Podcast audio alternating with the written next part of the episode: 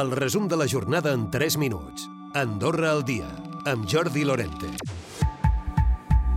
És Caldes no es quedarà sola amb torres, perquè també Andorra la Vella té un projecte de construcció de tres torres de la mateixa alçada que la seu de la Justícia, al costat de l'Estació Nacional d'Autobusos. Un promotor ha presentat el projecte al Comú que obliga a fer modificacions en el disseny inicial perquè no sigui tan agressiu visualment. En parla en David Astria, el cònsul major d'Andorra la Vella.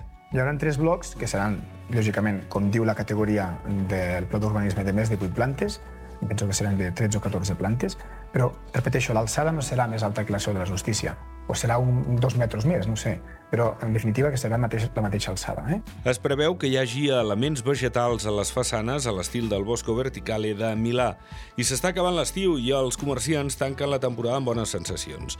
Tot i disminuir les vendes respecte als anys anteriors, han tingut un mes de juliol molt bo i han recuperat el client francès. La presidenta del Shopping Mall, l'eix central, és Sònia Llebre. Estem contents, ha sigut bastant constant el que és l'afluència i bueno, sobretot el juliol va ser un mes molt bo, eh, que cada any doncs, d'alguna manera anem millorant i l'agost, bueno, ara estem acabant ja aquesta setmana, però en principi podem dir que també ha sigut un mes potser no tan bo com altres anys, eh, però bueno, creiem que, que s'acabarà molt bé. No hi haurà recepta electrònica fins a l'any vinent, tocarà esperar el 2024, doncs, perquè s'implementi a les farmàcies un sistema informàtic que permeti rebre receptes a través de la història clínica compartida i girar després les factures a la CAS.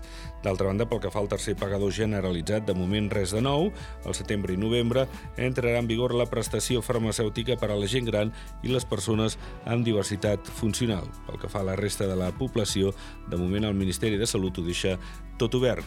Cristina Rico i Jordi Cerqueda lideren les travesses per encapçalar la nova Junta Directiva de Liberals, que té com a repte refundar el projecte polític després dels mals resultats de les eleccions generals. Aquest divendres s'hauria de validar la candidatura i dimarts vinent al Centre de Congressos acollir un congrés on s'ha de renovar l'actual Junta que està liderada per Jordi Gallardo. I el govern es mostra preocupat pel risc reputacional que suposa l'avís que els reguladors europeus han fet a Comissió Europea sobre un acord d'associació amb Andorra, Mónaco o San Marino.